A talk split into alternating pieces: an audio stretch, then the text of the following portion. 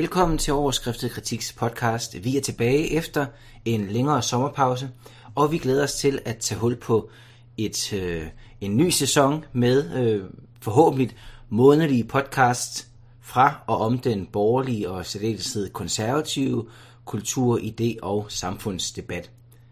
Her i dag skal jeg tale med vores nyeste skribent, Kasper Havnstrup Madsen, der er Ph.D. stipendiat i historie ved Syddansk Universitet, men som nok ikke kommer til at skrive så frygtelig meget om historie på overskriftet kritik.dk, men derimod om historier, det vil sige mere specifikt om popkultur, populærkultur, øh, tv-serier, tegnefilm, tegneserier, alt hvad der er lavet og populært.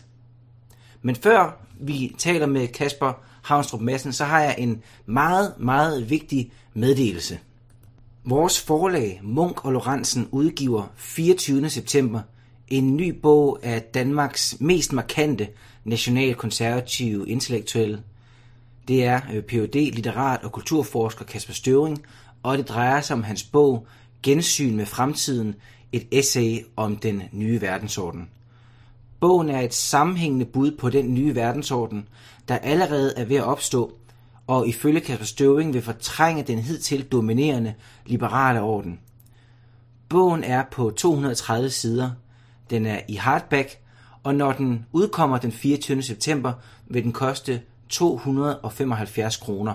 Men hvis du forudbestiller gennem os på overskriftekritik.dk eller www.munk-lorensen.dk, så kan du bestille den for kun 199 kroner, og det er inklusiv levering.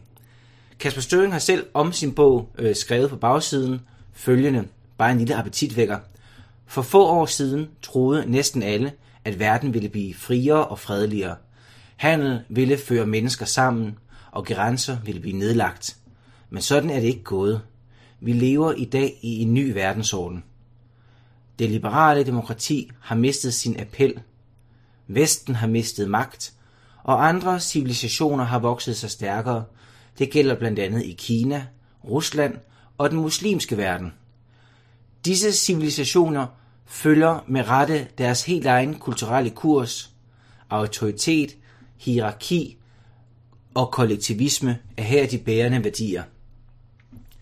Også i Vesten er der sket markante opbrud med Brexit, Trump og højrepopulisme – Disse opbrud kan dog vise sig at være en vej ud af vestens krise. Hvordan bør vi forstå fremmede kulturer? Hvordan styrkes Vesten? Og hvordan undgår vi en global verdenskrig? I gensyn med fremtiden giver Kasper Støvring sine bud. Bogen udkommer altså 24. september, og hvis du forudbestiller på overskriftet kritik.dk eller munk så kan du øh, få den for kun 199 kroner, og det er inklusiv levering. Men lad os vende os mod Kasper Havnstrup Madsen. Kasper, vi har jo tidligere talt om øh, de her Star Wars film. Vi havde en ganske glimrende vurdering af den øh, seneste øh, mere eller mindre glimrende, mere eller mindre øh, øh, øh fejlslagende Star Wars film, og en øh, debat om, hvorvidt øh, det nu kunne passe, at det er øh, imperiet, der er de gode i, øh, i Star Wars. Men du nævner også Star Wars i dit seneste øh, indlæg, og nu skal jeg ikke anklage dig for monomani eller noget, men, men det du skriver, det er, at debatten omkring de nye Star Wars-film understreger, hvordan populærkulturen ikke kun er underholdning, men også en betændt kampplads, hvor nostalgi, identitetspolitik og følelser kan få forbrugerne til at æde hinanden. Hvad mener du med det? Ja, øh, men der tænker jeg jo helt specifikt på den debat, der er opstået i kølvandet, hvor kritikken af den, ja det bliver jo så den anden sidste film nu, The Last Jedi, den har jo kørt meget på, at der har været en kraftig politisering, øh, som, som mange med rette, og, og det kan vi godt diskutere en lille smule længere om, at, øh, at, at min anmeldelse øh, måske skal revideres en lille smule efter et nyligt gensyn, men øh, men ja, altså, den efterfølgende debat har jo vist, at, at man kan efterhånden ikke tillade sig at kritisere den her film, uden at man pludselig havner i et eller andet ja, betændt helvede, hvor man hader kvinder, hvis man synes, at så og så øh, er udfordrende i, i filmen. Så. så det er identitetspolitiske, det her med filmen som kampplads, det har vel, øh, altså sådan som jeg ser det, så har det vel øh, tre dimensioner, ikke? For det første, at der har siddet nogen og lavet filmen, der har helt bevidst, det synes jeg er meget klart, når man ser den, øh, har lagt de her temaer øh, ind i den, øh, har vel slå et slag for, ja, for ligestilling øh, blandt andet, og, og fred være med det, men det har de eksplicit øh, villet. Øh, samtidig så øh, er der så øh, nogen, der har været inde og se filmen, som så har kritiseret, at de her ting måske har øh, fyldt øh, for meget. Og så kommer der så en kritik af dem, kan jeg forstå, fra, ja, det er i virkeligheden den rasende Twitter-håb, som, øh, som angriber de folk, der kritiserer filmen. Og de angriber dem for at være øh, kvindehadske osv., fordi de tillader sig at, og, hvad hedder det, løfte en kritisk røst mod det forhold, at, at den her politiske korrekthed fuldstændig har, har inficeret og overtaget det her univers som en anden øh, hussvamp. Ja, og det jeg jo egentlig synes, der er interessant, er, fordi man kan jo sagtens diskutere det identitetspolitiske, og det jeg egentlig holdt på i starten var, at man også godt kunne diskutere filmen uden det politiske aspekt, altså rent faktisk at se på filmen som et, et filmisk håndværk, hvor godt det var. Men der synes jeg inden for de sidste par måneder, også i, i bagspejlet af, at den, øh, den, den ikke så gode Han Solo-film, eller den, den klarer sig i hvert fald ikke så godt, øh, den er kommet ud, at nu bliver det hele puttet ind i den her identitetspolitiske debat. Så så snart man prøver at diskutere øh, mere filmiske greb, som The Last Jedi tager, og måske fejler øh, frygteligt, når den gør, så bliver det en identitetspolitisk debat. Kan du komme med nogle konkrete eksempler på det?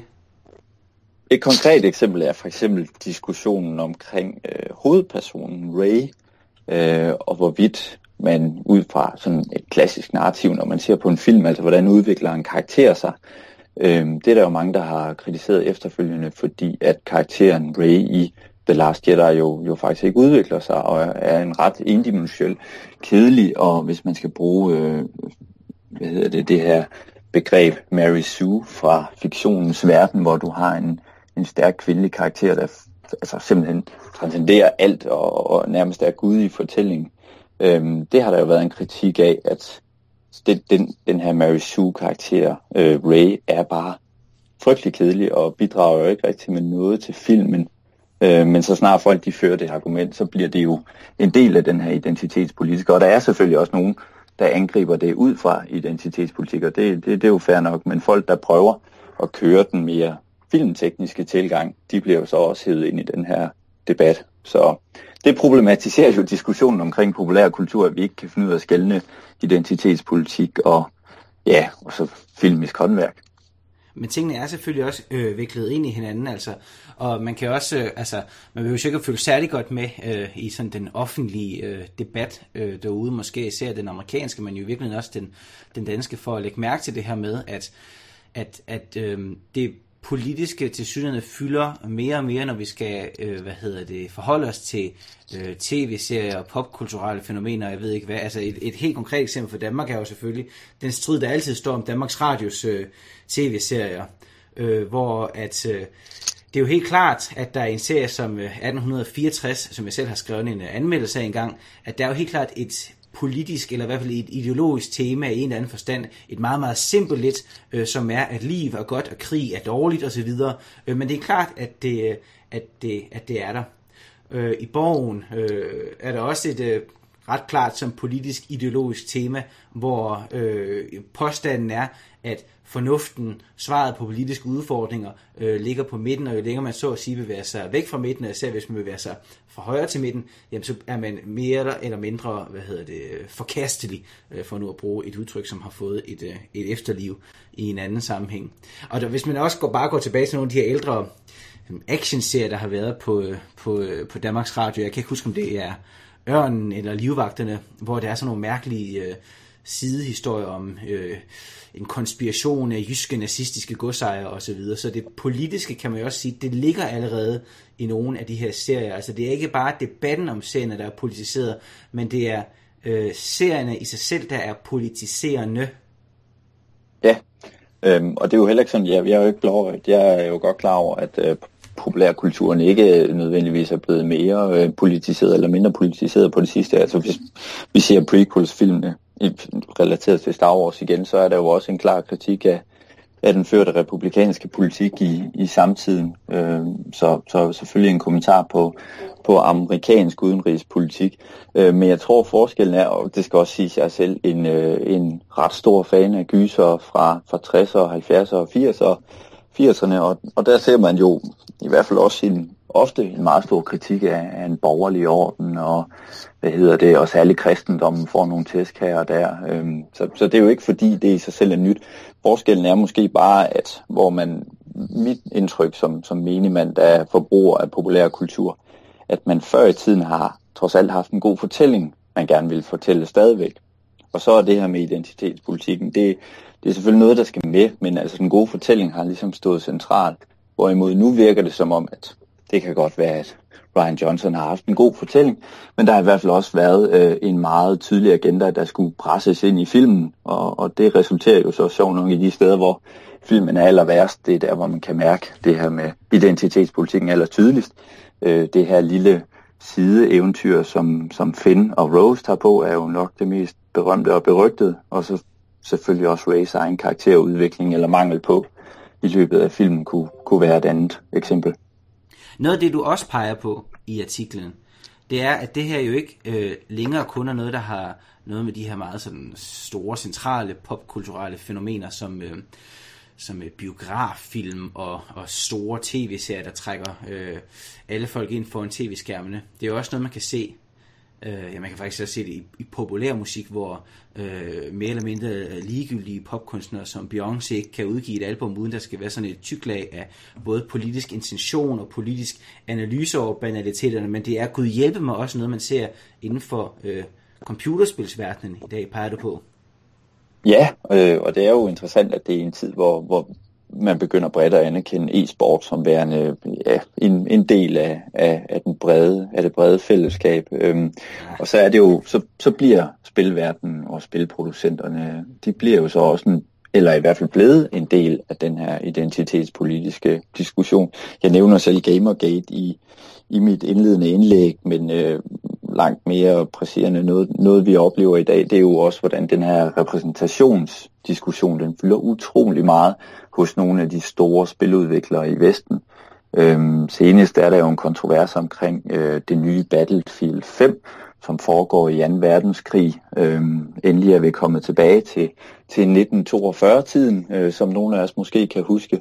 Øh, men i den her øh, trailer, som, som, som spiludgiveren har, har, har givet os for ligesom at, at få os købt, så vi kan forudbestille og betale ekstra penge for DLC og alt det der pjat, der er noget af det første, vi ser, det er jo, det er jo en kvindelig soldat sammen med, med britiske elitesoldater, og vi ser en asiatisk kvinde, og, og jeg ved ikke hvad, øh, som er med til at ødelægge Rotterdam, og øh, der, der bliver taget nogle, nogle, nogle friheder i forhold til den historie, jeg selv har studeret. Øhm, og, og den det debat, du siger, det er, at der ikke var mange asiatiske kvinder øh, involveret på, øh, på Vestfronten. Det vil jeg alligevel godt øh, sætte mit, mit ry som historiker på, at det var der ikke, nej. Det overrasker mig alligevel meget som historiker.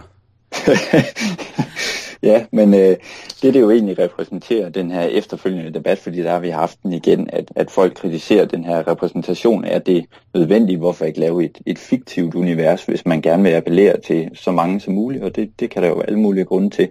Men det her med, at man prøver at presse det ned over, over historien, det er der jo mange, der, der tager på vej af, og det bliver så overført til sådan en identitetspolitisk diskussion om, at hvis man kritiserer det, og det, det, det meldte EA, som jo er produ- producenten på det her spil, det meldte de jo selv ud, at så skulle man nok tage at uddanne sig selv, hvis man ikke kunne acceptere, at, øh, at sådan var historien altså. Øhm, så der kom jo en, er jo kommet en frygtelig kontrovers ud af det, og lige siden Gamergate har vi jo været klar over, at spilverdenen, særligt i Vesten, er ret inficeret af de her identitetspolitiske diskussioner. Du nævner alle de her ting her, men man kunne jo godt være djævelens advokat og sige, er det ikke bare dig, der, der klynker? Er det ikke bare konservative, der klynker har overtaget sådan en eller anden form for venstreorienteret øh, snowflake offermentalitet, hvor de øh, står på spring for at blive farvet over den første, den bedste asiat, de ser i en øh, anden verdenskrigsfilm. Er det ikke bare vrøvl og klynk det her? Hvorfor skriver du ikke øh. om noget andet? jo, jamen, øh, og jeg garanterer dig for, at jeg skal nok sørge for at huske at skrive om noget andet også. Øhm, jo, jamen øh, det kunne man jo sagtens. Altså, jeg synes, der er lidt to, øh, to øh, niveauer, man kan diskutere det her på. For det første er der jo en diskussion om populærkulturen i sig selv. Den skulle gerne kunne føres, uden at det hele går op i, øh, i, i identitetspolitik, øh, mener jeg i hvert fald, fordi populærkultur er jo noget, som vi sjovt nok i kraft af begrebet alle sammen bruger, Øhm, og, og det skulle vi helst gerne kunne diskutere, uden at vi skal tage øh, vores forskellige politiske ståsteder til indtægt. Populærkulturen i sig selv er jo noget, vi alle sammen bruger, og det skal vi jo i sig selv øh, også have lov til at diskutere. En anden og måske meget mere vigtig ting er, at populærkulturen er med til at forme en stor del af vores ja, kultur i sig selv, og på den måde ender vi jo med at komme til at importere en masse diskussioner, som, som måske er meget relevante i de steder, hvor populærkulturen kommer fra, altså selvfølgelig i USA, og, og det er jo også derfra, at vi ser populærkulturen. Øhm... Det er jo også noget af det, som Kåre Dybvad Bæk har skrevet om, altså den her socialdemokratiske politiker, som har skrevet en række fornuftige bøger, blandt andet om udkants Danmark og om, øh, om øh, øh, eliten. Han har skrevet et øh, ganske udmærket indlæg, eller øh, en kronik i politikken, hvor han netop taler om den her øh, problemimport, og det er vel også det, du i virkeligheden er inde på. Lige præcis. Øhm, og, og forskellen er selvfølgelig, selvfølgelig klynker jeg også, og det er fordi, jeg er en stor forbruger af populærkultur, og jeg er træt af som højorienteret snowflake at blive konfronteret med alle de her frygtelig venstreorienterede fortællinger. Nej, det er det ikke. Øh, men som Kåre Dybvad meget øh, fornuftigt viser i sin artikel i Politikken, det er jo netop, at vi importerer en masse problemer, øh, som ikke nødvendigvis er relevante i vores samfund. Øh, til forskel fra Kåre Dybvad peger jeg på, at populærkulturen faktisk måske er endnu mere farlig og endnu mere betændt, fordi det foregår indirekte. Øh, vi absorberer de her film og noveller, tegneserier, musik osv., uden nødvendigvis at tænke for meget over det, fordi det jo netop er populær kultur, noget som vi afskriver som værende sådan underholdning. Det er det, vi sidder og hygger med. Det behøver vi ikke sidde og diskutere. Øhm, og det er en af årsagerne til, at jeg mener, at vi skal virkelig begynde at have fokus på den her populære kultur, fordi vi indirekte kommer til at, at adoptere en masse problemer, som, som vi i realiteten ikke har. Og det er netop noget af det, du kommer til at skrive om på overskriftet kritik.dk øh, fra nu af og så til, øh, til i al evighed. Hvad er, øh, øh, hvad er det næste, vi kan forvente fra, øh, fra din hånd? Jamen lige nu har jeg i støbeskeen et indlæg omkring gysergenren. Det er jo øh, en, en genre, der, som, som nogen, der måske dyrker den, vil sige, har, har lidt nederlag og ikke er på på højde med, hvad den har været. Det er længe siden Stanley Kubrick, han lavede sin, sin uh, ondskabens hotel, og, og, og vi har sidenhen fået Sår 1, 2, 3, 4, 5, 6, 7, 8, 9, 10, 11, 12, 13. Jeg ved ikke, hvor meget vi kan blive ved. Uh, men jeg skriver et indlæg om, hvordan den her gyser-genre faktisk har noget rigtig, rigtig godt at byde på, også for borgerlige sindede og endda måske konservativt sindede mennesker. Og så kunne jeg godt tænke mig at skrive lidt om Batman. Det vil jeg da gerne indrømme. Det er også på vej. Det lyder godt. Og det vil vi se frem til, og tusind tak for det. Selv tak.